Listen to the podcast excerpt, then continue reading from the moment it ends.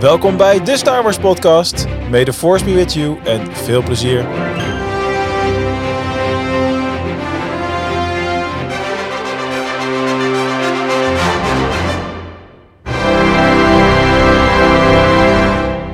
Hallo en welkom allemaal. Welkom bij de Star Wars podcast. Uh, deze keer weer uh, op een uh, old school manier qua opname. Aan de audiokant merk je daar precies helemaal niks van, maar de, de YouTube-kijker zal, zal daar wel wat verschilletjes in, in merken. Omdat ik niet dezelfde tools gebruik als die onze video supermaster Bas van Dun gebruikt natuurlijk. we gaan het via de old school manier doen en vanavond ook nog in een soort van old school bezetting. Want er is ooit een tijd geweest dat er nog helemaal geen Bas en of Kim in de show waren en ook geen Rob. Uh, maar degene die er als eerste bij kwam bij mij en Quinten, die is er vanavond weer eens bij. En dat is Ramon. Yes, dankjewel Mark. Ja, dat klopt. Ja, toch? Het is meer, inmiddels alweer ruim twee jaar geleden dat we dat met z'n drieën uh, deden. En, nou. ik, ik heb dus ook juist speciaal voor dit moment, want ik wist dat we met z'n drieën waren. Oh ja, voor jou, vragen. Ja, voor jou die uh, vraag stond, Ramon, van de eerste aflevering dat jij erbij oh, zat. God, oh, God. oh, die had je ook nog aangekondigd. Dus dan ja. heb ik terug moeten luisteren ter voorbereiding. Dat heb ik niet gedaan. Oké, okay, dan weet ik ongeveer hoe ik de, waar de quiz moet laten beginnen zometeen. dat lijkt me dan duidelijk. Oké, okay, dus uh, in de oude bezetting, uh, ik, Ramon, Quinten en ook via de oude, oude toolings en routes... Uh, hartstikke leuk om het weer zo te doen. De laatste paar afleveringen, Ramon, wel apart dat uh, of jij zat erin of ik zat erin. Maar op de een of andere manier uh, nooit, ja, niet meer tegelijk. Nee, ik weet ook niet hoe dat komt. Opeens loopt dat zo inderdaad en dan zie je elkaar een paar weken niet in de podcast. Maar, er, is, er is maar één woord voor, agenda's en dat soort dingen. En zo gaat dat. Precies. Alright, laten we er lekker in gaan, gaan duiken deze week. We hebben natuurlijk een heel ja, het is altijd een hele bijzondere uitzending op het moment dat je iets afsluit. Want we sluiten deze avond uh, het eerste seizoen van Endor af. Uh, met de laatste aflevering Rick's Road. Die gaan we natuurlijk uitgebreid bespreken zometeen. Uh, maar zoals te doen gebruikelijk beginnen wij met ons Star Wars moment van de week. En ja, Ramon, jij hebt er eentje. Vertel. Ja, um, nou goed, uh, jullie hebben het vorige week natuurlijk uitgebreid gehad over de Comic Con. Dus daar zal ik het niet meer over hebben. Al was dat natuurlijk wel uh, het hoogtepunt Mag. van, uh, Mag wel, van jaar, denk ja, ik. Ja, ik heb er nog niet over dat. Nee, ja, het was natuurlijk fantastisch om al, al, onze luisteraars, mensen die we kenden, maar ook juist de mensen die we niet kenden, om die eens in het echt te ontmoeten dat uh, ja, na zeven jaar Star Wars Awakens was dit uh, denk ik wel een van de mooiste. Nou, ik denk wel zelfs de mooiste, omdat je echt gewoon face-to-face met al die uh, luisteraars, communityleden kwam. Dat, ja, dat blijft het moment dat we natuurlijk niet snel gaan vergeten. En ik, ik hoop dat we het nog veel vaker mogen doen de komende tijd. Maar nu voor de eerste keer samen was, ja, echt, was echt top. Dus genoten jongens. Lekker gedaan. Um, dat ten eerste. Maar eigenlijk een momentje wat ik wilde noemen was... Uh, nou, Bas die is natuurlijk elke week bezig met uh, zijn uh, gaming holocron video's die hij publiceert. En afgelopen dinsdag bracht hij de video uit van Star Wars The Phantom Menace. En dat is voor mij wel een hele bijzondere, omdat dat de eerste game is die ik echt van begin tot eind heb uitgespeeld. En uh, ik weet nog dat ik die in de winkel uh, wou, wou, halen, wou kopen. Dat was nog in de tijd dat die games, die PC-games, in zo'n grote box waren. Ja, ja, ja. ja. Um, ik, ja, ik, ik had totaal geen uh, idee van systeemeisen en dat niet alle computers het konden draaien. Dus ik zei gewoon, die wil ik hebben nemen mee naar huis. En, uh, en je raadt het al, maar uh, mijn computer kon het helemaal niet uh, afspelen. dus ik ging daar een beetje mee om, zoals elke volwassen jongen rond die leeftijd zou doen. Ik, ik heb keihard lopen janken. ik, dacht, ik dacht echt dat je ging zeggen, dat heb ik een paar dagen gedaan. Ik kocht een nieuwe computer. Heel, ja, ik wil het heel graag spelen, maar... Um, Uiteindelijk eh, ging het zo ver dat mijn opa en oma dan daadwerkelijk een nieuwe PC voor mij kochten. Oh, wow. Maar die kochten het op basis van de minimale systeemeisen die op het doosje stonden. Dus ah. toen speelde ik het wel, maar het haperde enorm. Alleen dat boeide mij op dat moment niet, want ik was gewoon blij dat ik überhaupt een beetje kon lopen in dat spel. En dan ja, elke twee seconden een frame verder, zeg maar. bij wijze van spreken. Maar dat, uh, dat was in die tijd was dat gewoon uh, heel tof. Ik, uh, ik heb daar hele warme herinneringen aan, dus toffe game. En uh, gisteravond voor de tweede keer in de Star Wars Awakens community hebben we Dungeons and Dragons gespeeld, maar dan de Star Wars versie daarvan. Dat was echt heel tof om te zien.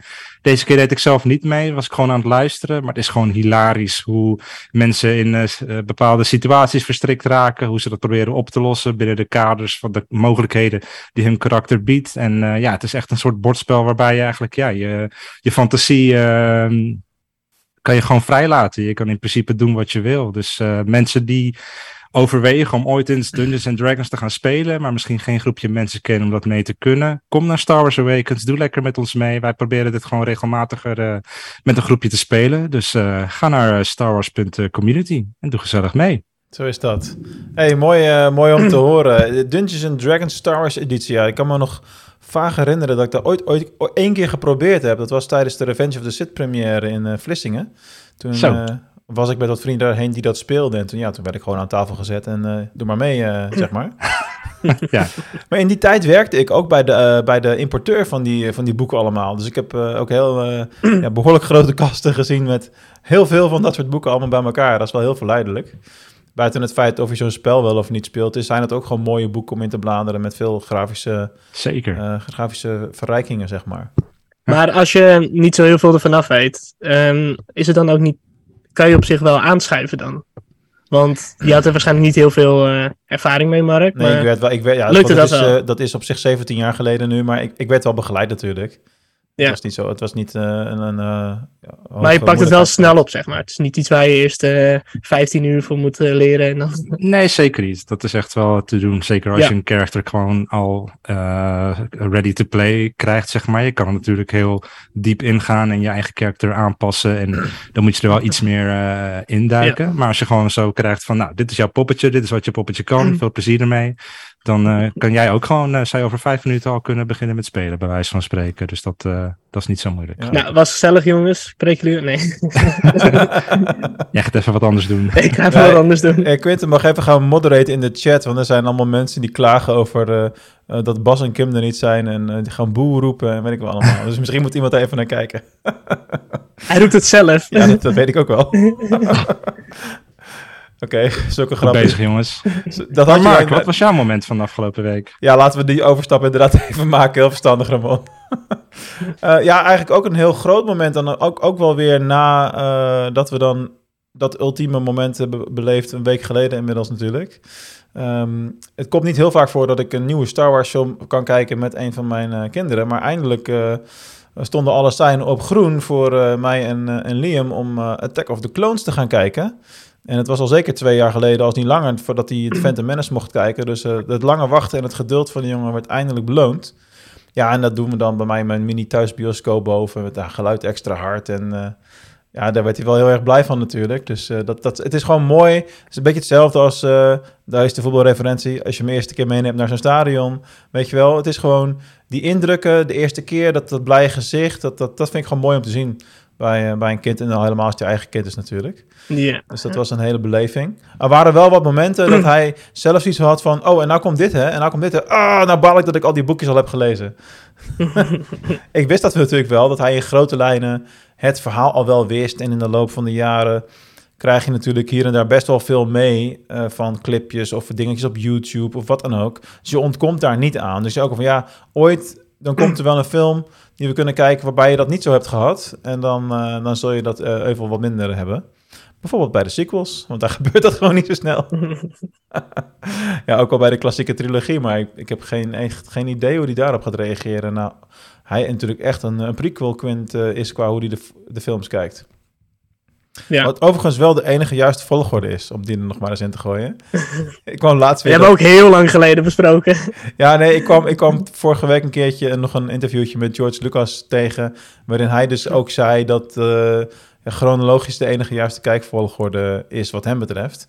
En uh, ik weet niet, volgens mij heeft hij dat wel gezegd in de tijd dat de prequels uh, actueel en hot waren. En ja, dan wil je natuurlijk dat zoveel mogelijk gewoon mensen daarin stappen en daar beginnen. Dus ja, hoe waar dat ja. is, Hè? Korreltje zout hier en daar kan geen kwaad. Ja, precies. Ja, de moeite die ik daarmee heb is dan als je die laat zien aan een vriend of wie dan ook. En dan zien ze de Phantom Menace en dan zeggen ze misschien, nou, vond het wel ja. oké, okay, niet heel bijzonder. Ik hoef het is heel veel politiek gebouw hoor. Ja, nee, maar hoe overtuig je diegene dan als hij die matig vond om dan te zeggen van nou, ze worden nog veel beter, zet even door, weet je wel. Mhm. Dan zou ik het liefst beginnen bij een film waarvan ik meteen kan zeggen van ja, als je die niet leuk vond, dan is het inderdaad niks voor je. Ehm, maar goed, ja, ieder zo zijn ding. Ik, zeg, ik denk dat je dan bij de Force Awakens moet beginnen. Het maakt gewoon een verschil met wie je dat doet. Hè. Als je dat met een volwassen Tuurlijk. vriend of vriendin probeert, snap ik dat je zo'n afweging maakt. En, eh, maar goed, met een kind eh, is zo'n Ja. episode 1 gewoon ideaal met potracing en dat soort dingen allemaal erbij. Dat, is, dat Zeker. werkt gewoon goed.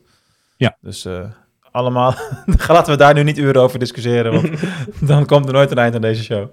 Hey, eh, ik ga eens even ouderwets kijken of ik nog eh, weet waar, eh, waar de knopjes allemaal zitten, want dan gaan we lekker doorrollen naar eh, onze Star Wars quiz. You must unlearn what you have learned. All right, I'll give it a try. No, try not. Do. or do not. There is no try. Waren die Hij twee heeft de knopjes nog hoor. Nee, maar waren die twee duimen omhoog voor de knopjes of voor het feit dat ik de, Ja, volg- de volgorde juist goed. heb? Het is ook een beetje onwennig dit weer of zo. Onwennig. Ja. Nou, voor mij niet moet ik zeggen. Het voelt wel gewoon een beetje als vanuit. Ja, joh. Oude jongens krentenbrood voor hem. Ja. het, is gewoon, Ja. het, is gewoon, het is gewoon helemaal vertrouwd. Houden we van. Ja. Ja. goed, omdat je het zo eh, ontzettend aankondigde al in de uitzending, heb ik geen keus dan. eh, en je klaagt er altijd over dat ik jou laat beginnen. Maar nu moet je weer beginnen. Quinten, Ja, ja, maar nu heb ik het zelf aangevraagd. Maar ehm, nee, ik wist een tijdje terug dat wij zeg maar, dit gingen opnemen met z'n drieën. Dus ik dacht, nou, ga ik eens kijken wat voor vraag ga ik stellen. En ik heb recentelijk heb ik de Mandalorian opnieuw eh, gekeken, omdat we in het nieuwe jaar krijgen we Zo. seizoen 3. Ehm, ik ben nu bij de laatste aflevering, dus ik heb hem nog niet helemaal af. Maar dat maakt niet uit. Mijn vraag is, want Ramon, jij zat bij de allereerste aflevering van de Mandalorian, zat je bij ons? Dus ja, ik wil aan jou vragen, wat is het allereerste wat Din Djarin ooit in de Mandalorian heeft gezegd? Oh, Wat is Hmm. zijn eerste lijn? Zijn eerste line. Ik zie hem in die eerste aflevering naar die kantina toe lopen, waar Ja. die eh Grief Karka Nee, ontmoet. Uiteindelijk. Hij gaat laat, eerst hem- laat hem uitpraten. Eh, ik weet niet wat hij als eerste zegt. Eh,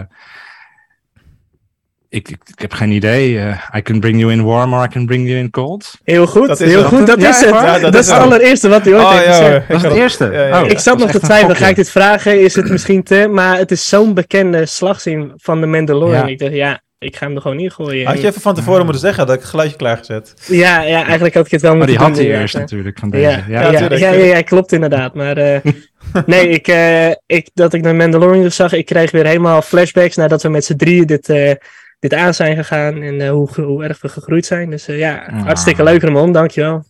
Ja, Top, nou, Ja. bedankt. En Mooie heel erg leuk dat je eh, het antwoord alsnog eh wist. Ja, snel gegoogeld. Nee, ja. Snel gegoogeld. Handsfree. Handsfree. Ik, eh, Nee, ik dat ben blij. opgevallen. ja, Ehm vraagje voor jou dan, Mark. Dit, eh, dit is eentje voor de oude lullen onder ons, denk ik. Dus dat, eh, dat is wel mooi. Hey, eh, het wapen van Endor in deze serie, dat is een Briar pistol. Ja, dat is in deze serie de allereerste keer dat we dit wapen in live action zien.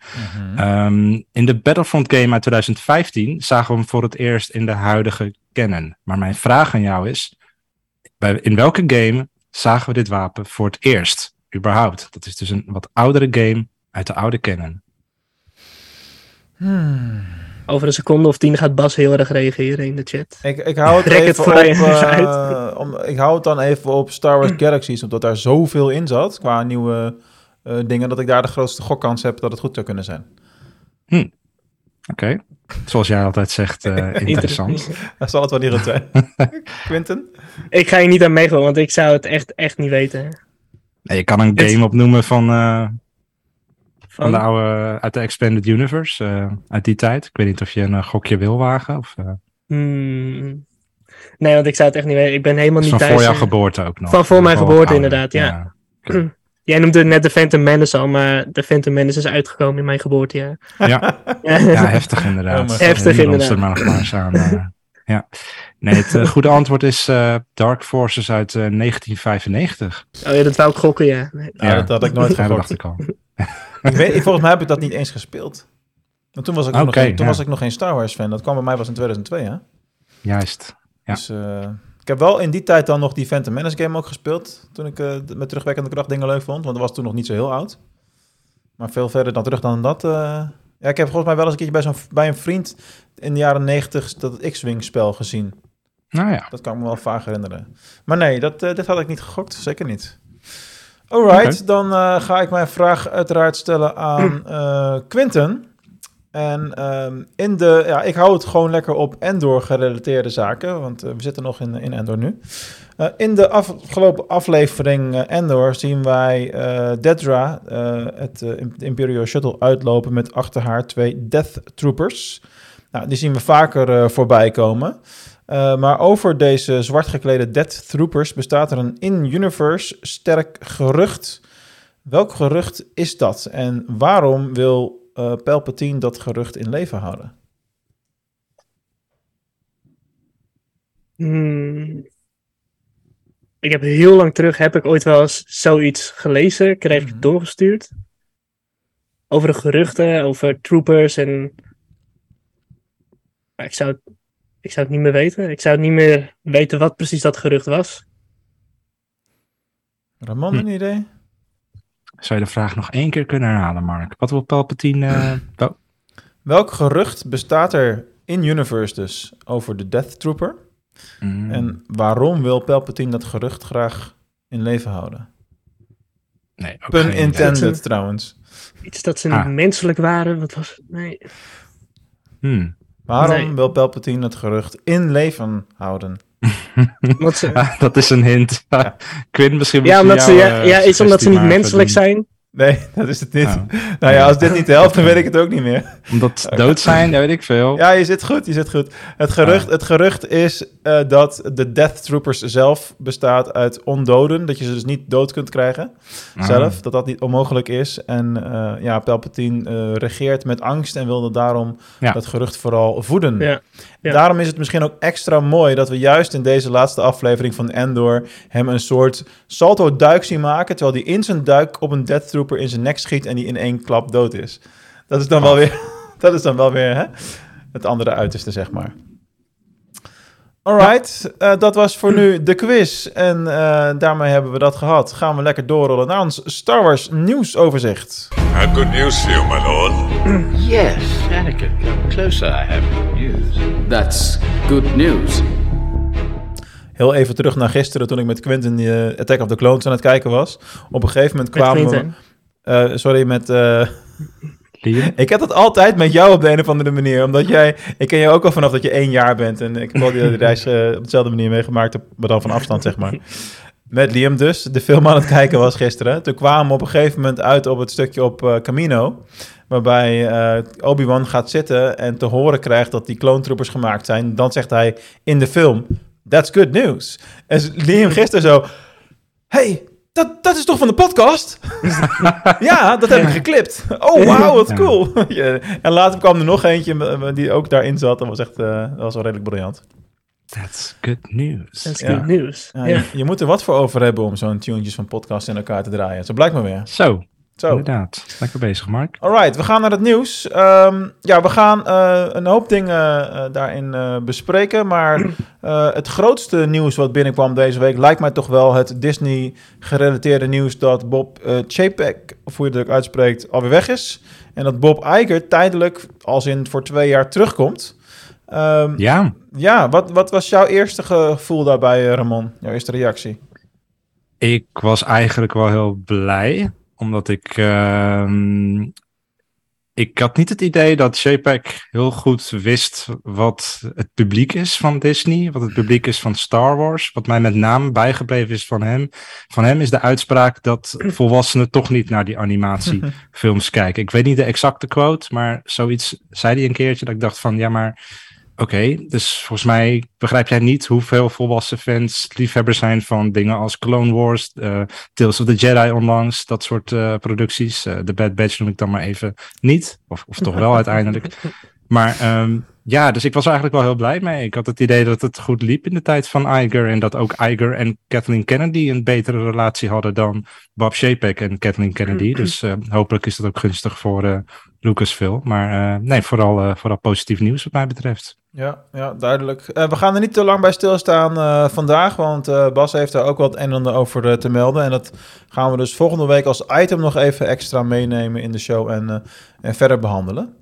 Dus voor nu gaan we hier overheen stappen en gaan we lekker door met de rest van het nieuws. Uiteraard, dat had ik nog niet gezegd, mede mogelijk gemaakt door Star Wars Awakens. We maken ja. graag gebruik van het wekelijkse HoloNet gemist nieuwsoverzicht. Dus wil je het nieuws uh, ja, op dagelijkse basis bij, bij je hebben, dan ga naar starwarsawakens.nl. Plug, plug. Um, het volgende nieuwtje op de lijst gaat over John Kasdan.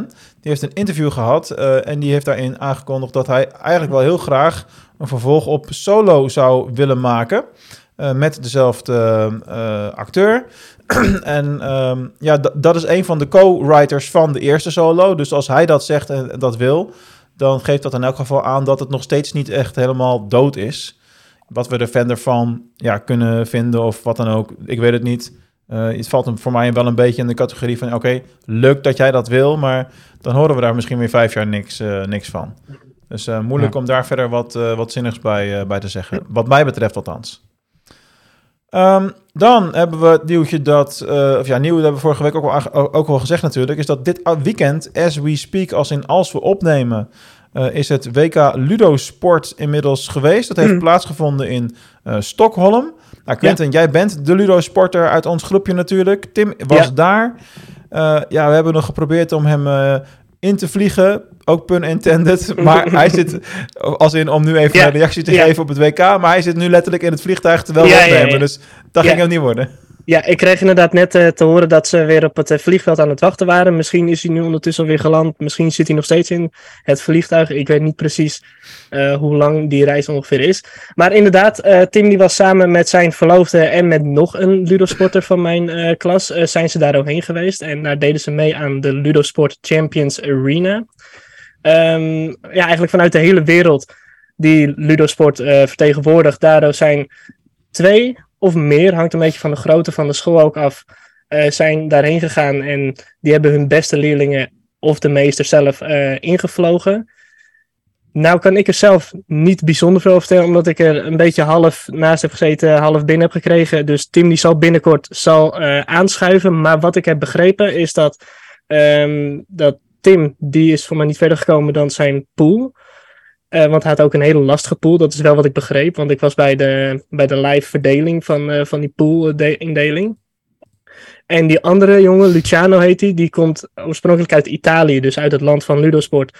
Maar hij heeft ook in Zweden gewoond. Dus voor hem was dit ook een soort van thuiswedstrijdje. Die is doorgegaan naar de laatste 16. En ja, die is ook op zich best wel goed. Die heeft ook een hele rare stijgende lijn bij ons. Die heeft sommige dingen heeft hij al gedaan ver voordat Tim dat ooit heeft gedaan. En nou, het is heel raar, maar hij is in, op zich echt wel echt heel erg goed. Dus die is best wel ver gekomen. En wat ik heb begrepen is dat in het team Freya, want ze gebruiken al die Noorse namen natuurlijk, dus uh, Odin, uh, Thor, Freya, noem het allemaal maar op.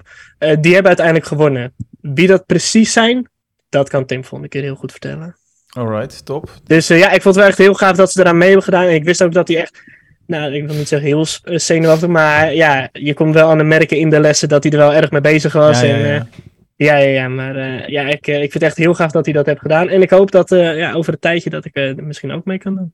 Maar we hadden dus een Italiaanse, Zweedse ne deelnemer mm. voor Nederland. Ja, ja, hij is zeg maar, hij komt uit Italië. Hij is daar voor mij niet heel laat weggaan. Dus in zijn jeugd is hij toen ja, verhuisd naar Zwitserland, als ik het goed herinner. Wordt nog gekker dus.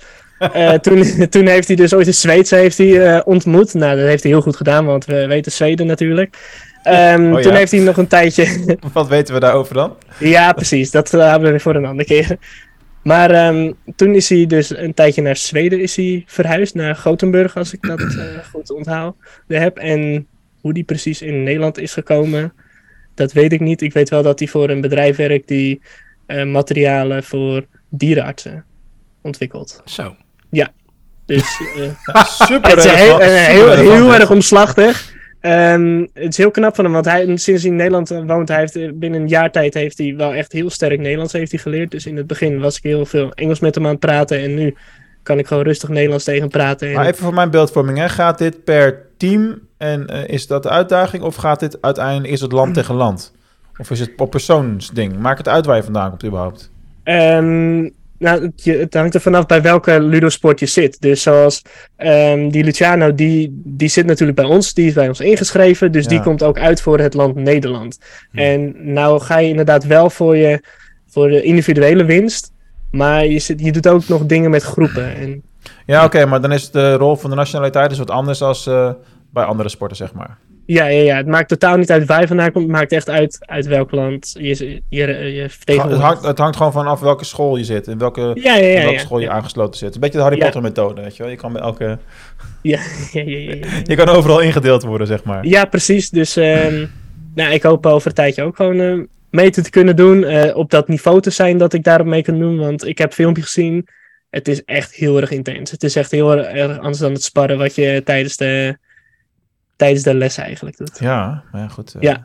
Je hebt toch vast nog wel wat stappen te zetten daarin, lijkt mij. Ja, zeker weten. Maar je mag ook alle vormen die je kent, mag je door elkaar heen gebruiken. En dat maakt het het lastigste. En Mm. als je vorm 1 en 2 kent, dan, dan ben je al best wel ver. En eh, kan je ook best wel inderdaad wel dingen. Je kan jezelf verdedigen. Je kan op zich ook best wel aanvallen. Maar er zullen er ook mensen rondlopen die al veel langer meedoen. En ja, die al veel meer vormen bezitten. Die ook bijvoorbeeld met een staf of met dual wield mogen. Ah, ja. En bij Ludosport is het zo opgebouwd dat maakt niet uit welk wapen je gebruikt. Het is 50-50 kans. Je kan van, alleba- van allemaal kan je winnen, dus het maakt niet uit. Maar ja, als je alleen maar met een eh, single blade kan en je gaat tegen iemand met dual wield, nou, is best wel lastig. ja, vooral Ja. omdat je dat niet zo vaak tegenover je krijgt om te oefenen natuurlijk. Ja, ja, dat is inderdaad. Want het is inderdaad, ehm, als je ook de- erin traint, dan kun je er beter in worden. Alleen wij hebben niet, eh, Tim die heeft niet die bevoegdheid om dat les te mogen geven en die heeft het ook nooit gestudeerd. Ja, dus ja, ja, ja. Wij, ja, wij hebben echt alleen maar die single blade. Ja, maar eh, ja, Tim die wil het binnenkort zeker een keer aanschrijven om het echt helemaal te vertellen. Dan, eh, dan kunnen er ook beelden kunnen er dan bij vertoond worden, want het is echt heel gaaf om het te zien. Wordt vervolgd. Wordt vervolgd inderdaad. Gaan we door naar de volgende Star Wars geruchten. De geruchtenmolen draait weer op volle toeren blijkbaar. Eh, de opnames voor de nieuwe Star Wars film zouden begin 2023 van start gaan. Dat is eh, vanuit de bron van eh Bespin Bulletin waar dat vandaan komt. De eerstvolgende film zou in 2025 moeten gaan verschijnen. Ehm, maar alleen, ik weet niet hoe ik dit precies moet lezen, Ramon. Ik weet niet of jij dat toevallig geschreven hebt. Want rond april, mei zouden er aan de sets worden gebouwd. Bedoelen we dan april, mei volgend jaar of afgelopen? Ja, komend jaar. Oké, Nee, dat is komend jaar inderdaad. En eh, lange tijd leek het er dan op dat dat de film van Taika Waititi zou zijn... waar ze dan naartoe zou, zou gaan, zouden gaan werken. Was natuurlijk oorspronkelijk eh, Rogue Squadron gepland voor eind volgend jaar... maar die is eh, van de planning verdwenen. Dus nu staan er nog Star Wars films gepland voor 2025 en 2027. En het lijkt erop dat de film met Damon Lindelof als schrijver... en de regisseur die een ingewikkelde achternaam heeft... die ik ook even ben vergeten... Jij zei het laatst nog in het Star Wars nieuws in een eh, eerdere aflevering van de podcast, maar eh, dat het om die film zou gaan die in eh 25 zou, zal gaan eh, verschijnen. Dus eh, ja, hopelijk op Celebration meer nieuws, jongens. ja, Blijft precies. een beetje stil. Ja, ja. Ja. Nou ja, we moeten dat eh, zoals altijd maar, eh, maar weer afwachten hoe dat, eh, hoe dat gaat. Het zou wel tof zijn om weer eens een, echt een, eh, een zekerheidje te hebben qua film wat er gaat komen. Zeker. Eh, ander gerucht is dat eh, ja, het mogelijkerwijs zo zal zijn dat Kathleen Kennedy op niet al te lange termijn mogelijk bij Lucasfilm gaat vertrekken. Ehm, ja, ze heeft wel haar contract nog verlengd tot 2024, maar ehm, ja, er zijn blijkbaar geruchten dat eh, ze in de loop van 2023 mogelijk al, al vertrekt na de lancering van de volgende Indiana, Jones film. Wat voor haar natuurlijk een hele logische kroon op het werk eh, stopmoment zou zijn. Want ik neem aan, ik weet niet hoe oud zij inmiddels is, maar is dat niet ook gewoon richting pensioen eh, onderhand? Zou ik me zo kunnen ja. voorstellen. Dat, dat denk ik ook wel als ze het zou willen. Ze zou natuurlijk ook best nog even door kunnen gaan. Ehm, ik hoop eigenlijk dat ze wel gewoon blijft. Ik denk, ik zou niet weten wie het anders zou moeten doen, weet je wel. Nee. Dus eh, wat mij betreft eh, hoeft ze helemaal niet weg. Alleen, eh, ja, er zijn, een, eh, er zijn een hoop mensen die eh, daar elke keer voor lobbyen. En mogelijk dat daar ook die geruchten steeds vandaan komen. Alleen het feit is wel, ze heeft getekend tot eh, 2024. Dus ze zouden in principe nog zitten. En dan is het op zich logisch als je dan halverwege 2023 je afscheid aankondigt. Omdat je dan nog tijd hebt om jouw vervanger Ja. in te werken en zo. Dus eh, ja. Ja, vind ik super logisch. Maar weet je wat ik ook wel eens af, af en toe een beetje heb, überhaupt met dit soort, eh, hè, de, de grote namen in die organisaties, is van ja, maar het, het zijn toch veel meer mensen met wie alles alles wordt gemaakt en, eh, en, en waarmee alles wordt besloten. Ik bedoel, als je nagaat hoe groot die concerns zijn, het kunnen toch niet twee, drie poppetjes zijn die overal de, ja, de beslissing innemen die zo mega veel invloed hebben? Of, of denk ik dan, denk ik dan eh, te positief zeg maar, over het democratische proces? Uh, nee, dat denk ik op zich niet per se. Maar ehm, het is ook in de sport zo. Hè? Ik bedoel, degene die aan de top staat, zo'n hoofdtrainer, zo'n coach, die is de lul omdat zijn uh, speler een penalty niet inschiet en daardoor uh, degradeert. Dus ja, dat is eenmaal hoe het, hoe het vaak werkt. Er wordt iemand als voorbeeld keihard aangemerkt. Ja, keihard. keihard inderdaad. Oké, nou, het is wat het is. Um, Binnenkort is er een Comic Con. En is altijd binnenkort een Comic Con, heb ik laatst geleerd. Want we hebben het nou in Amsterdam in gehad. Maar er is volgens mij bijna elke week wel ergens op de wereld een Comic Con die begint. Maar even specifiek deze waar het nu om gaat. Die vindt plaats in Brazilië.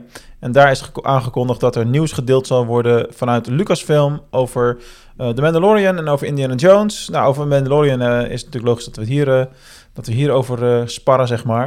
Um, mm -hmm. De verwachting, gegeven de timing, is dat ze daar gewoon de release data gaan aankondigen.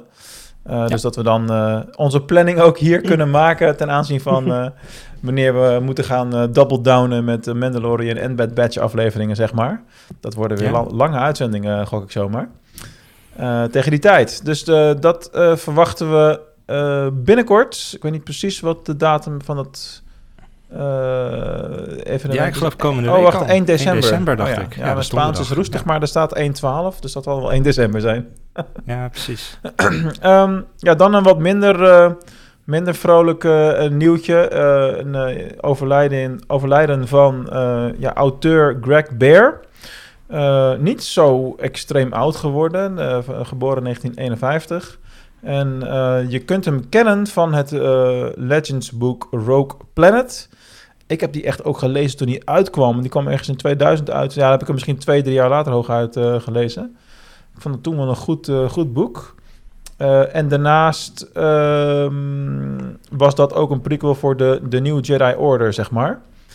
Um, en hij was een van de oprichters van de San Diego Comic Con. Dus over, wow. over ja, grote positie gesproken. Dat is natuurlijk, wat dat nu is, is huge. Ja. Dus uh, ja, gecondoleerd aan uh, de familie en, en zijn vrouw. Uh, en de dochters die hij achterlaat. Ja. Um, even kijken. Dan hebben we nog twee dingetjes over. de eerste is gerelateerd aan Endor. Tony Gilroy, die is één grote media-circus aan het langsgaan. En die zit bijna elke week al ergens anders met een, met een interview. En dan laat hij weer iets los. En naarmate de tijd vordert en we nu dus de hele serie kunnen streamen, ja, kan hij steeds meer zeggen natuurlijk. Dus elke week heeft hij ook wat nieuws te melden wat dat betreft. En uh, wat hij nu heeft verteld, dit is wel even iets voor een spoiler alert. Als je voor seizoen 2 helemaal exact niks wil weten, skip dan even 10 seconden vanaf nu. Uh, seizoen 2 gaat een jaar later van start. Uh, als waar we seizoen 1 hebben achtergelaten. Dus we maken wel degelijk deze keer een time jump.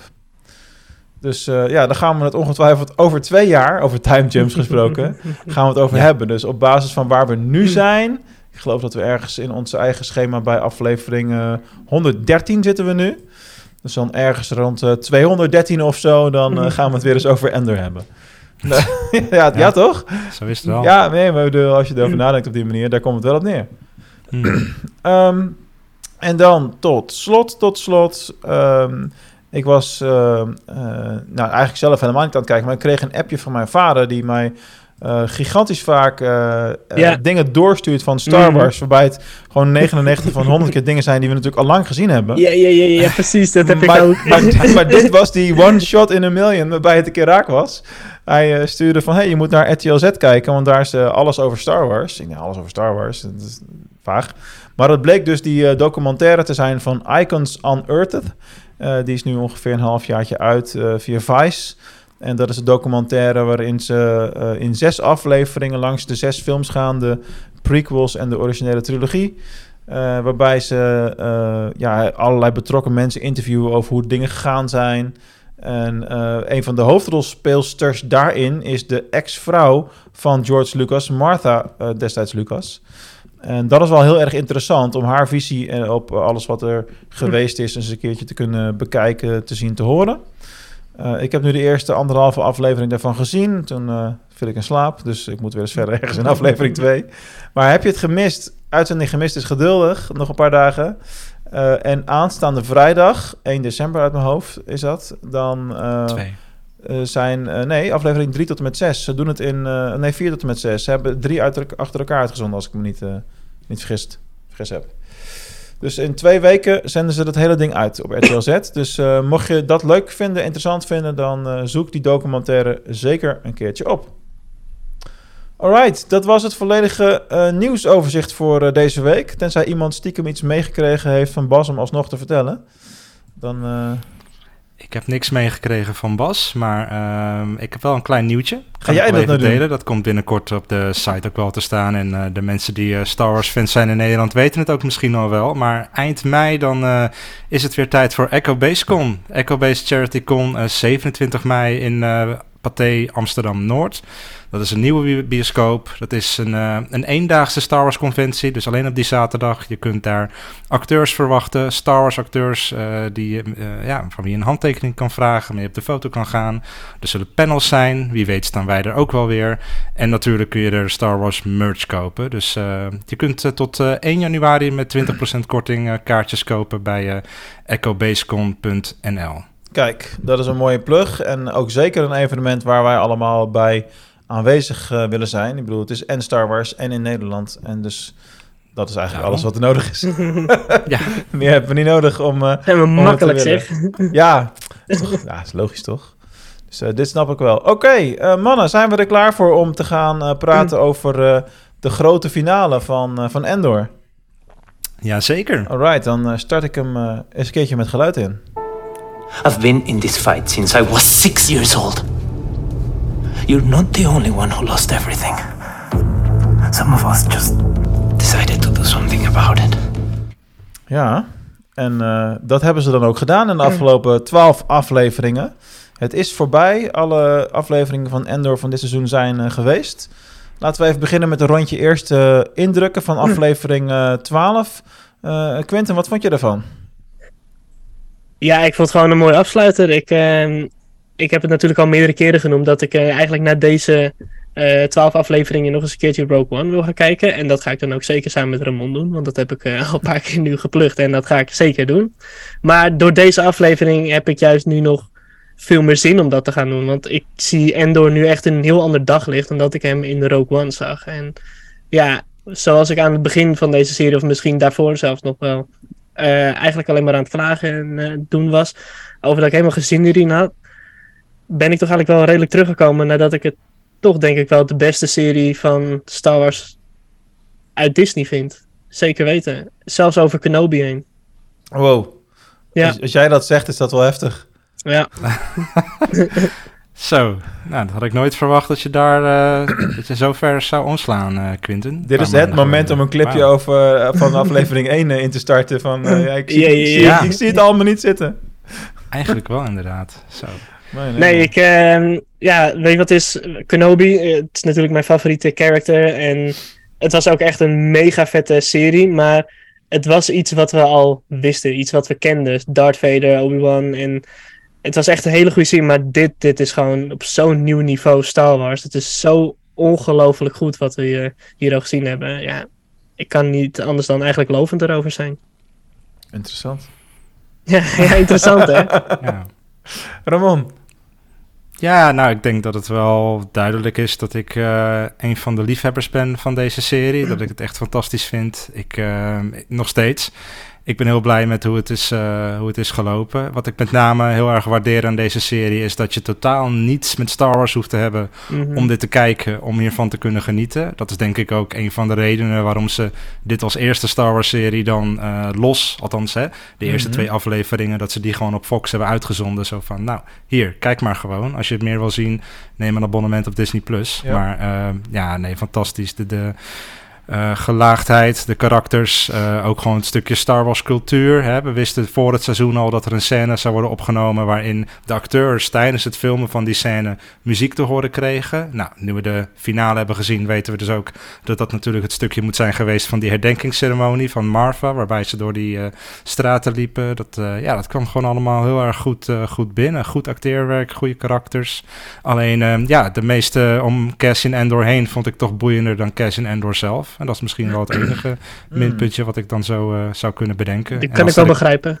Ja, Ja, en dan vraag ik me ook gelijk af of je die serie wel überhaupt... eh, het logo staat hierboven, maar Star Wars Endor. Ja, ik vraag me af of dat wel een eh, goede titel was. Of je daarmee de juist, het juiste publiek ook eh, trekt. Dus eh, ben ik wel Ja. benieuwd hoe jullie daarnaar kijken. kan, Ja, ik, kan, ik- kan ik wel begrijpen, ja. Ik, eh, ik- zo, zoals ik zei, ik, ik ben wel redelijk teruggekomen van wat ik van hem vind, maar het is nog steeds niet mijn meest favoriete character. En wat jij nu net zegt, dat, dat klinkt echt heel logisch. Van waarom zou je hem zo noemen? Je had hem heel anders kunnen noemen. Ja, ja daar ben ik wel met je eens. En wat vond jij, Mark? Eh, Wees ja, eerlijk. ik, ik- nou goed, de, de laatste aflevering was gewoon een hele logische afsluiting van, van dit seizoen. En eh, wat ik knap vind aan de serie is dat het mij toch een aantal keer emotioneel heeft gegrepen. En eh, dat ik echt wel gewoon begon goed mee te voelen met de karakters. En dat er echt wel heel veel toffe momenten in, eh, zaten. Ehm, dus ik vond het een hele toffe serie om te kijken. Maar het had net zo goed een niet-Star Wars serie kunnen zijn. en, en als ik Star Wars kijk, dan, dan ga ik wel voor de elementen die daar voor mij eh, het meest bij passen. En, en die ontbraken gewoon best wel in deze serie. Dus als je mij vraagt wat is nou het ideale beeld voor een toekomstige Star Wars serie, dat, klinkt misschien gek, maar dat zou eigenlijk een soort mix zijn tussen wat we nu hebben gekregen met Endor en wat we ja, klassiek krijgen met een Mandalorian, Obi-Wan eh, enzovoorts. En eh, dat, dat, zou, eh, dat zou echt helemaal. Want ik ben het met jullie eens dat de manier waarop bijvoorbeeld in Endor het verhaal is opgebouwd. Het is langzamer, maar wel eh, meer, eh, veel meer gelaagd. En er zitten zoveel. Daar moet je echt meerdere keren voor kijken. Subtiele dingen in. Eh, kleine dingetjes die kloppen. eh, dat het poëtisch is en dat het met elkaar danst. Dat het allerlei verwijzingen en, en dingen die je echt alleen maar naar analyse kan, kan waarnemen. Of, of na een tweede of derde keer zien. Eh, dat maakt gewoon dat de serie heel slim is gemaakt. En er was heel duidelijk een plan van A tot Z. Dit is waar we beginnen met dit seizoen. Dit is waar dit seizoen moet eindigen. Dit is in grote lijnen wat tussenin moet gebeuren. Dus je maakt, zoals ik ook mijn boek schrijf bijvoorbeeld, je maakt eerst het raamwerk en daarna ga je alle details invullen. En dan heb je een hele gebalanceerde, soms wel wat voorspelbare eh, puzzel. Er zijn arcs geweest die, waarvan je gewoon van tevoren weet hoe het ongeveer zal gaan. Ik bedoel, de, de Prison Arc, hartstikke tof gedaan en het zag er super goed uit. Maar je wist van tevoren, nou, dit is een arc van drie afleveringen, dus in aflevering drie gaat hij ontsnappen. En, Ja. en heel veel dingen, als je het eenmaal weet, dan zie je het aankomen. Net zoals eh, dat, die, eh, dat de getrommel nu, wat bij de uitvaart dan was. Ja, dat zat Mhm. al in, eh, de, in het logo, eh, in, de, in, de, in de muziek aan het begin. En als je dat eenmaal weet, van oh, de muziek is elke week een beetje anders. En dat geeft iets aan. Ja, de war drums waren nu in de muziek. Dan weet je dus, oké, er gaat iets van een clash komen eh daar op. Het was, eh, en het, de aflevering heet dan Rick's Road. Dus het is best wel dat je iets te makkelijk van tevoren eh, ja, het plaatje kan inkleuren. en dat ze het ook echt wel naar verwachting inkleuren wat je wat ze van tevoren schetsen is ook meestal wel wat er gaat gebeuren, zeg maar. Dus in, in die zin verrast het niet heel vaak. En de mooie momenten zitten hem vooral in eh, ja, hoe, de dingen die gewoon opgebouwd zijn en die dan uiteindelijk een vrucht hebben, weet je wel. Zoals in deze aflevering vond ik een van de tofste momenten dat Cyril eh Dedra redt eh, uit het gevecht en dat zij echt van geen flauw idee meer heeft wat ze met haar emoties en gevoelens van alles aan, wat ze aan moet.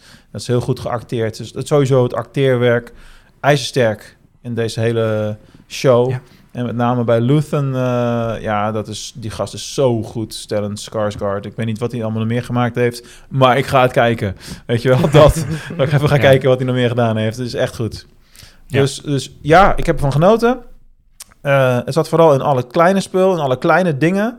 Eh, en ehm, ik zou hem nog wel eens een keertje willen bingen. Want ik denk dat dat een leukere ervaring is dan eh één keer per week, zoals wij het nu gedaan hebben. Logischerwijs. Maar er mag wel wat meer Star Wars saus in. Voor mij dan. Hm. Nou, mooi omschreven. Kan ik wel achter staan. Oké. Ja. Ehm, Laten we eens eventjes eh, deep dive in deze specifieke afleveringen. Eh Rick's Road, dus een beetje eh, de chronologische dingen die er ja, in grote lijnen gebeurd zijn. Het begint al met de bom die gemaakt wordt. Helemaal aan het begin door die, eh, door die jonge jongen. En dat, je, dat is zo'n jongen waarbij je kijkt... Ik ken hem, maar ik ken hem niet. Waarom ken ik hem? Ken je dat gevoel? Want je, je- hij was er wel in de show, alleen niet heel prominent. Hij was af en toe ergens in de achtergrond. Hij was wel in die winkel aan het werk. En, ehm, eh, en nu was het gewoon van, oké, eh, ik, ik ben er klaar mee. Ik ga deze bom maken en eh, of ik kan gebruiken zien we later wel. Ja, Dat vond ik wel heel mooi. Ik had eerst dus helemaal niet de link eh, gelegd dat hij een bom aan het maken was. Ik zat even van, wat ben je nou aan het maken? Wat ben je nou aan het maken? Oh, ja. En toen later, toen bedacht ik van, oh, wacht eens even. Nu snap ik wel wat je aan het doen bent en wa- wat je gedaan hebt. Nu snap ik hem. Duurde wel even voordat het bij Hmm. mij binnenkwam. Ja, oké. Ja. Ehm, ik zal eventjes kijken wat de logische volgorde is hier. Eh, ja, op een gegeven moment heb je natuurlijk ook die... Ik geloof dat die jongen Hershey heet, die donkere jongen.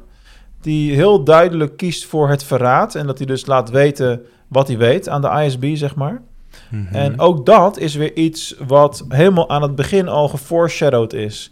En dat doen ze ook heel strak in deze serie, continu. Dus heel veel dingen die eh, in aflevering 1, 1, 2 gebeuren in, eh, op Ferrex... die zie je nu Ja. eigenlijk weer op dezelfde manier... of dat ze dezelfde soort keuzes maken. Dus die Hershey die eh, verraadt Endor... en dat is voorspelbaar... Eh, die, ehm, oh, die, die sterke kerel die eh, bij, B, bij B2 Emo ook eh, stond in het huis in de vorige aflevering. Die bereid Ja. Brasso, precies, dankjewel. Die namen vind ik nog steeds een beetje lastig. Die, ehm, eh, die was in aflevering 1 ook en door aan het beschermen en, en die beschermende rol op zich nemen. En dat deed hij nou ook weer. En dat, Mhm. soort, dat soort poëzie zit wel echt heel erg subtiel goed in deze serie eh, eh, verweven, zeg maar. Dus dat is wel Ja. heel, erg, eh, heel erg goed wat mij betreft. Nee, zeker. Ehm, dan hebben we nog de... Ja, we hebben nog heel veel dingen, maar de dingen die mij opgevallen zijn, die benoem ik dan eventjes, hè. Mhm. En dan hebben we nog dat moment dat ze ja, uiteindelijk veel te vroeg natuurlijk beginnen met die, eh, met die optocht. En dat de ISB eigenlijk Ja. niet zo goed weet wat ze hier nou mee aan moeten.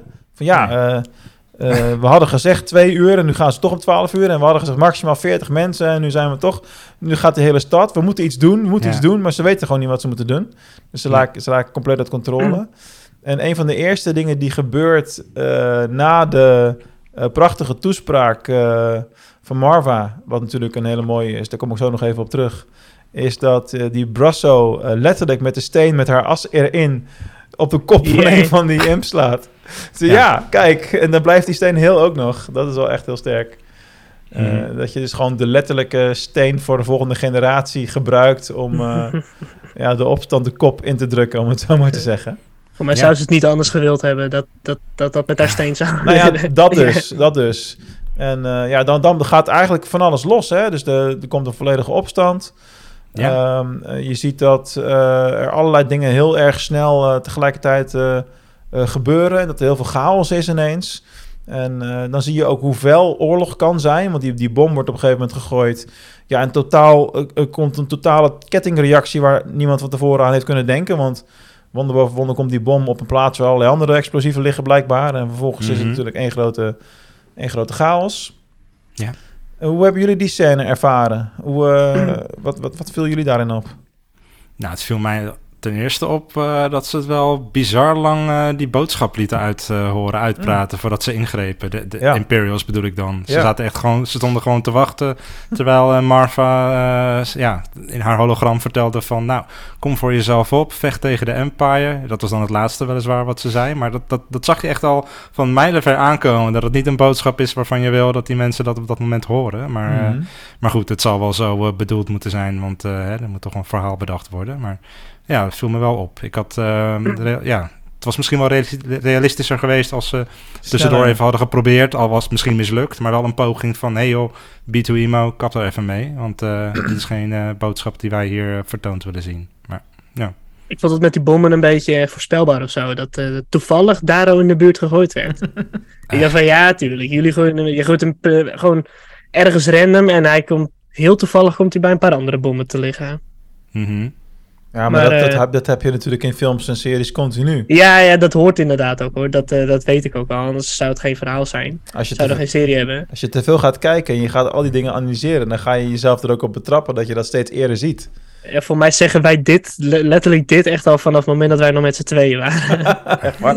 Oh, dat heb ik niet in beeld. ja, ja. Voor mij heb je, ja, voor mij heb je Dit wel eens eerder benoemd inderdaad. Maar eh, Ja, nee, ja. en voor de rest ja, hele krachtige toespraak. Wat jij net zegt Ramon. Eh, bizar dat ze hem eigenlijk zo ver laten eh, uitspelen. Maar ja, aan de andere kant, ze moeten ook een reden hebben om eh, tegen die mensen in te gaan. Dat is waar. Ja, als ze niks misdaan hebben, ja, waarom zou je ze dan nog eens de kop willen indrukken? Terwijl ze. Nou ja, niks misdaan. Ze komen en met te veel mensen. Ze zijn en niet op de goede tijd. En dan spelen ze ook nog een boodschap af die... ik denk, ja... Sta dan even op je streep als je het echt meent. Maar Ja. goed, ze waren bang ook. Ze wisten ook niet wat er zou gebeuren. nee, En totaal de grip kwijt. Ja, ze waren de grip kwijt, maar ze wilden ook uiteindelijk Cassian Endor uitlokken natuurlijk. Want iedereen Mhm. en zijn moeder wist dat hij daar naartoe zou komen. Althans, Ja. dat werd wel verwacht. Dus eh, ze waren vooral voor hem eh, op de uitkijk. Ik, ehm, ik vond het met name gek, want, want Cyril Carr, die, die liep er dan op een gegeven moment ook daar rond. En die, wat, wat Mark ook al zei, die redde dan die Dedra uiteindelijk. Maar als ik kijk door de serie heen, ik, eh, ik vind het een interessant karakter hoor. Maar al die scènes waarbij hij aan de ontbijttafel zat met zijn moeder... Was dat nou nodig, weet je wel? Ik bedoel, het was een beetje... eh, Nee. Waar, nee. waar wordt hij naartoe gewerkt? Is Ja. dit iets voor seizoen 2? Dat, dat zal wel uiteindelijk. Maar voor mij was het karakter een beetje uiteindelijk eh, ja, wat eh, teleurstellend eigenlijk. Voor, voor dit Beetje seizoen vlak. dan. Ja, een beetje Ja. vlak. Er zat niet echt veel ontwikkeling in uiteindelijk. Had ik wel verwacht. Ja, misschien om te laten zien dat hij... eh, eh, hoe- de- de- om zijn frustratie op te laten bouwen. En Ja. sterker te laten worden, waardoor hij uiteindelijk die act- in staat is om die actie te doen. Want hij is Ja. natuurlijk niet echt een eh, spierbundel of zo.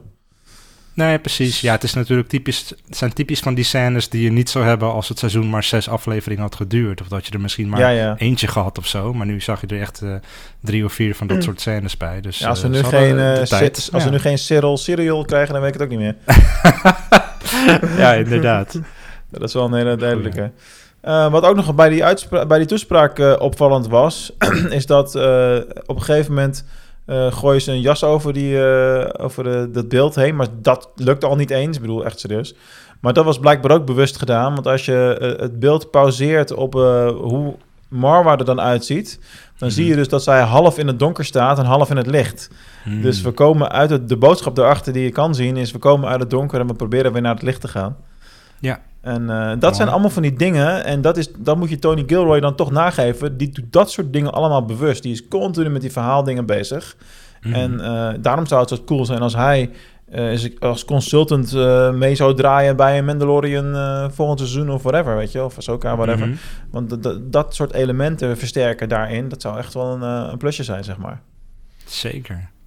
Wat ik Ja, ook wat je- een lijp is, als je erover na gaat denken, is dat ze zijn op zoek naar Access, want ze weten niet dat hij Luthen heet natuurlijk. en dan zo in your nose, in your face, dat hij gewoon daar rondloopt. Maar ja, niemand weet hoe die eruit ziet of whatever. En eh, ja, dan is, hij kan eigenlijk gewoon zich vrij bewegen, terwijl die, ze zijn op zoek naar hem en misschien lopen ze er wel langs, zeg maar. Dat is ook zo lijp natuurlijk als je dat, eh, als je dat op die manier gaat bekijken. Ja. Hij had ook een heel belangrijk moment, hè, Luton, trouwens, tijdens die toespraak. Vonden jullie het? Eh, ja, waar doe je precies op? nou, het was moment? overduidelijk voor mij dat hij daar een change of heart had ten aanzien van Endor. Mm. Want Ja, van ja, dit is zijn moeder en die is Mm. zo extreem eh, van het rebellie. Daar is die Endor wel mee opgegroeid.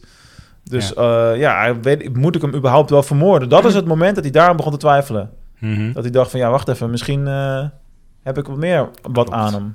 Ja. Is wel, eh, vond ik wel heel erg eh, mooi om dat ook visueel aan zijn gezicht te kunnen zien. Want ja, verder had hij niks om dat mee te acteren ook, hè? En toch krijgt hij het voor elkaar. Heel Nou ja, dat ja. is natuurlijk hoe de aflevering eindigt. En, en Cassian is, is duidelijk klaar, ook mentaal, eh, nadat hij dat zelf ook zo gezien heeft, om, om te, te denken, wacht, ik ben misschien wel voorbestemd voor iets meer dan alleen maar eh, het simpele leven en, en mezelf eh, zien te redden. En Ja. eh, oké, ik, moet, ik moet meer doen. En eh, ja, hoe hij dat speelt uiteindelijk bij Luton in dat schip. En aangeeft van, ja, weet je, schiet me nou maar neer. Of, eh, of, of ja, laat me maar joinen. ook erg mooi weer gedaan. Ja, jawel. Ehm, dat is echt letterlijk een keer moment eh, voor, voor hem. Hè? Want eerder wil hij nog vluchten en wil hij zijn familie meenemen en zijn vrienden meenemen. En nu heeft hij letterlijk die keus. Want hij kan letterlijk gewoon dat schip instappen met Bix en de anderen van... We gaan, eh, we gaan hier weg. Maar hij zegt nog van, eh, ik, ik moet even wat doen, maar ik ga jullie nog wel zien. Dat was een soort afscheid op dat moment. En dan wist je gewoon van, oké, die gaan elkaar deze aflevering, dit seizoen niet meer zien. Maar voor nu is het even goodbye. En dan loopt hij dus naar Luton toe en dan geeft hij hem eigenlijk de keuze van... nou, schiet me maar neer of uh, laat me je bij jou voegen, bij jouw team. Want, uh, Heel ja, sterk, ja. Ja, ja, sterk. Ook uh, bijzondere keuze, zeg maar. ik bedoel, ja, je kunt gewoon letterlijk op dat moment wegvluchten... Met, met de mensen waar je om geeft. En dan ga je eigenlijk naar de man toe waarvan je weet... die is hier om mij te doden. Dat is nogal een risico. Maar Ja. voor hem was dat blijkbaar niet zo. Ja. Maar blijkbaar is dat het keerpunt. Dat laat ook aan die Luton zien van... Ik ben om. Ik ga meedoen of ik ga helemaal Ja, maar hij had natuurlijk geen enkele garantie dat hij hem niet gewoon alsnog neer zou schieten. Dus Ja, ja, maar zover zit hij er dus al in. Van, ik, Ja. ik doe het alleen nog maar voor die rebellie, anders, anders hoeft het van mij niet. Ik wil wel weten Ja. wat er nog meer is. Mhm. De meeste van dat soort dingen, en dat is in het echte leven denk ik ook zo, doe je op gevoel. Ja. Je voelt meteen of iets klopt of niet. En, en dat kun je niet sturen daarna. En ik denk Mhm. dat hij gewoon voelde dat het goed ging komen.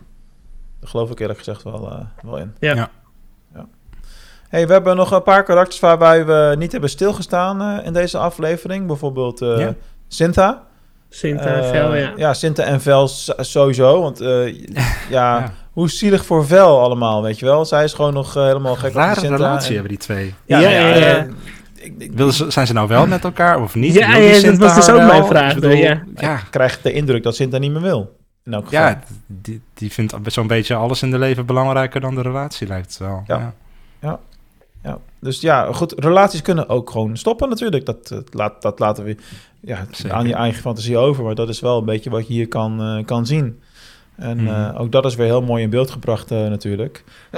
en ja, wat Sinta natuurlijk ook nog eventjes doet... is die vervelende Imperial spion ja, van het leven beroven met een, met een messteek. een mesje. Mhm. Ja, een heel lullig pestje inderdaad.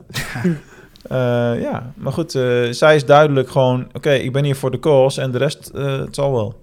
Ja, Laat maar. klopt. Maar dan merk je door die hele serie wel heen dat ze zo'n instelling heeft gehad. Dat was ook wel te verwachten.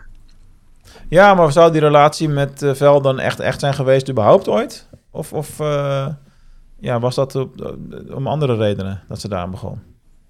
Ja, misschien ook eh, alleen maar voor de cause. Er zijn nog best wel veel open eindjes waarvan je je af kunt vragen of we daar ooit een antwoord op krijgen. Als het überhaupt nog belangrijk genoeg is om daar een antwoord op te krijgen in een Mhm. volgend eh, seizoen. Want er zijn heel veel dingen die nog... eh, ja. Mon Mothma bijvoorbeeld. Nou ja, dat is, dat Zeker, is, dat ja. is helemaal een mooi open eind. Maar wat vonden jullie van de verhaalontwikkeling van eh, wat er bij Mon Mothma nog gebeurde in deze aflevering?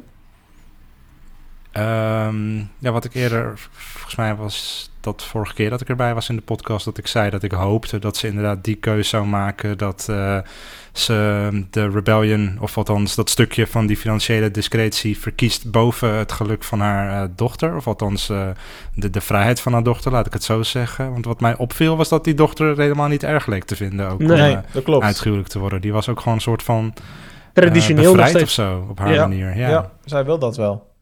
Ja, die stond er wel open voor. Want die was het ook gewoon niet eens met eh, hoe het thuis allemaal ging, denk ik. Eh, maar dat geeft wel wat meer diepgang aan het karakter ook. En ik ben ook blij dat we zien dat, dat karakters die, norm- die we normaal als eh, status quo alleen maar goed hebben gezien, dat die ook wel wat eh, moreel verwerpelijke dingen gedaan hebben. Dus eh, wat mij betreft, mooi, mooi stukje verhaalvertelling. Ik denk dat we nog wel meer te zien gaan krijgen bij wat een beetje moreel te verwerpen valt. Ja, nou, ik, ik hoop het ergens wel. Nou, in deze Ze komt aflevering- niet voor niks komt ze helemaal aan de top te zitten. Dus. In deze aflevering gebeurt dat feitelijk al, als je Mm. erover nadenkt. Zij gooit gewoon haar man onder de bus. mhm. Dat is wel echt best wel grof als je erover na gaat denken wat zij nu gedaan heeft. Ja. Want om, om het even uit toe te lichten, zij eh, zit op een gegeven moment met haar man in die uh, shut, in die eh speedo voor het ook heet. En dan heb je die, eh, waar, zij weet donders goed dat die chauffeur, dat dat Ja. een, eh, een spion is van de ISB, die alles Ja. doorvertelt. En eh, zij weet dat er naar haar rekeningen gekeken gaat worden. Dus ze Mhm. gebruikt letterlijk haar oude, de oude gokverslaving van haar man. Want die is echt niet aan het gokken op dit moment. Maar Nee. ze gebruikt hem om dus dat gat op die rekening te verklaren. En Mhm. doet dus nu alsof ze denkt van... ja, wat ben je alweer aan het doen? Ben je weer aan het gokken? En als ze nu dus dat gat op die rekeningen zien... eh, dan, zal ze, dan zullen ze bij de ISB de conclusie trekken... oh, dat is vanwege dat die man aan het gokken is geweest. Ja. Plus dat die eh, eh, uithuwelijking ook nog is met die persoon... hè, eh, die dat tussenpersoon is bij het gokken, zeg maar... Waarbij dus Mon Mothma het uithuwelijke logische redenatie daarbij zou zijn... ja, zij doet dat om die schuld te vereffenen. Mhm. Dat is de redenatie die daarachter ligt. Ja, precies. En ze, en ze haat haar man toch al, dus ja, dan kan ze hem ook Ja, net zo goed- ja, ja. Ja. Ze gooit hem echt... Het is heel slim en uitgekookt en politiek wat ze, Mon Mothma hier doet, hè. Het is Mhm. echt wel... eh, en, en haar man is zo oblivious als ik weet niet wat, een pannenkoek. ja, hebt echt geen idee, Ja. het is zo'n domme gast. Die wil Ja. gewoon een beetje het mooie leven leven en, eh, en klaar, zeg maar. Ja, ja dat, inderdaad. En eh, die man heeft natuurlijk haar ook wel al eerder tegengewerkt in deze serie... door opeens gasten uit te nodigen thuis waar ze helemaal niet op zit te wachten. Ja. Ja. ook door haar voor schut te zetten voor hun dochter, zeg maar. Ehm, dat ze op een gegeven moment zei van... eh, thanks for the support, maar dan op een hele cynische manier. Mhm. Ehm, dus dat het niet lekker tussen hen zat, dat, dat was al wel established. Maar dat ze het op deze manier eigenlijk eh, hem voor de bus gooit, dat eh, ja, had ook weer niet gehoeven. Maar het is een slimme manier om Ik denk dat het, ik denk dat het de enige manier was om het grotere doel te dienen. Ja, Het kan best zijn dat ze het later privé met haar man nog wel bespreekt. En dat ze hem in de know eh, laat. Maar ik betwijfel het, want hij zou het niet mee kunnen spelen, denk ik ik. denk het niet. Nee, precies. Dus eh, ja, dan maar op deze manier gebruiken. Het zat Ja. toch al niet meer goed, om het zo maar te zeggen. Nee. Ja, ehm, ja, en dan eh, hebben we wat mij betreft inhoudelijk in deze aflevering alles wel eh, zo'n beetje doorgenomen. Hebben jullie nog dingen daar eh, buiten de after credits zien natuurlijk? Oh jee, jee, jee, jee. Ja. Nee, ik, eh, ik verbaas me er... Nou ja, niet echt verbazing. Ik had, ik, was wel, ik had wel een beetje door dat we daar niet meer op terug gingen komen. Maar als je de serie vanaf begin kijkt... en ik heb met name de eerste drie afleveringen een paar keer gezien... dan gaat het heel erg over Endor dat die op zoek is naar zijn zusje. En hoewel we al in de loop van het seizoen erachter kwamen... dat dat zusje waarschijnlijk toch niet meer gevonden gaat worden... of althans die moeder zei van... eh, ga nou niet meer naar haar op zoek Ja. had ik ergens toch wel verwacht dat ze dat eindje nog wel zouden verklaren. Dat, ze erop terug zouden komen op een bepaalde manier. Dat hij bijvoorbeeld zeker zou weten dat ze dood is, of juist niet. Of dat hij toch even nog een keer naar haar gaat zoeken. Maar het voelde een beetje van ja, dat is niet. Normaal gesproken in zo'n serie, als je met dat lijntje begint, dan kom je er later nog op terug. En dat hebben ze nu niet gedaan. Misschien Dus juist wel een keertje, erg, misschien juist me een keertje lekker, om, omdat het dan Ja, minder dat, voorspelbaar dat kun wordt. je inderdaad ook wel eh, zeggen, ja. Ja. Wat dat betreft, eh prima. Want die Marwa dat- heeft dat natuurlijk, eh, heeft natuurlijk in een van die latere afleveringen nog letterlijk tegen Endor gezegd: ze is dood, laat het los. Ja. En dat is waarschijnlijk de, het laatste wat we daar ooit dat over te horen krijgen en te zien krijgen. En dat is misschien ook wel een, een, een besef van: ja, zo is het leven ook, weet je wel. Je, je, je Ja. kan niet alles weten, krijgen, oplossen en, en noem maar op. Maar in Star Wars betekent dood niet meteen dood. Ik bedoel, hoe vaak zijn de mensen wel niet dood gegaan... die uiteindelijk toch niet dood bleek te zijn. Ja, ik bedoel, maar- kijk Darth Maul. Ik bedoel, grootste voorbeeld hiervan. Hij was dood, maar toch ook weer net niet. Ja, ik vind. Palpatine nog wel wat groter. Palpatine, ook goed, een heel goed voorbeeld. Dat zijn wel Dus, en- force en users allebei, hè? En dat zijn characters die we hebben zien doodgaan. Deze character niet. Dit is zo van, ja, die, die is dood. De- die is helemaal niet dood. Gaan we Denk jij dan dat wel- ze erop terug gaan komen met zijn zusje? Ja, misschien wel. Ja, ik, ik hoop het wel. Het zou heel logisch zijn. En voor mij zei ik vorige week nog, ja, ik hoop dat we daar een beetje antwoord op krijgen. Want we zijn ooit begonnen eh, met dat, dat hij naar zijn zusje zoekt. En daar hebben we niks meer van gehoord. Behalve de- die Marva die zegt, ja, die is dood. Ja, tuurlijk niet. Die is helemaal niet dood. Het is gewoon die, een stukje persoon. waarschijnlijk op een positie is- waar zij helemaal niet hoort te zitten. Dat weet die Marva. En die weet dat als ze dan Cashin tegenkomen, dat ze dan gaan clashen. Ja, kan je maar beter doen dat ze dood is. Dat, eh, ga je dat een beetje uitstellen. Mhm. Dat lijkt mij heel logisch. Ik zie het eerder als een stukje persoonlijke ontwikkeling binnen, intern binnen Endor, weet je wel. Eh, een symbool voor ik ben zoekende, letterlijk. En dat ze dan dat zusje als haakje hebben gebruikt, als het ware. En eh, nu, nu heeft hij pas eh, zijn reis gevonden, wat het volgende hoofdstuk in zijn leven is. Het aansluiten bij de rebellie. En Ja, dat is, stel nou is- dat het zusje bij de Empire zou zitten. En dat weet die Marva, ja. Ze, ze weet dat, Nee, dat, dat ze dan gewoon- nooit elkaar tegen gaan komen. eh, Endor is de enige, God mag weten waarom trouwens, maar hij is de enige die van die planeet is weggehaald door eh, Marwa. En al die anderen zijn gewoon allemaal omgekomen daar. Over Ja, open eindjes gesproken. Waarom heeft ze het eigenlijk alleen hem meegenomen, überhaupt? Omdat hij daar binnen stond. Ja, maar ja, zo wat. Ja, je gaat toch niet een kind vermoorden zo, maar... Nee, oké, maar dan hadden ze toch ook meer mensen kunnen redden? Ja, mijn logica gaat hier ook een beetje Ze dan op spraken aan. toen niet dezelfde taal. Ik denk dat Cashin het eh, wel had geprobeerd te zeggen, maar in die tijd, eh, in die flashback, konden ze niet communiceren met elkaar. Ja, oké, dat is wel waar. Ja. Ja. Ja. Lastig, eh, ja. Ja, en dan hebben we natuurlijk de knaller. Die was voor mij al een Ja. beetje verpest, want die was ook al eh, voorspeld in een andere podcast dat die ging Hmm. komen.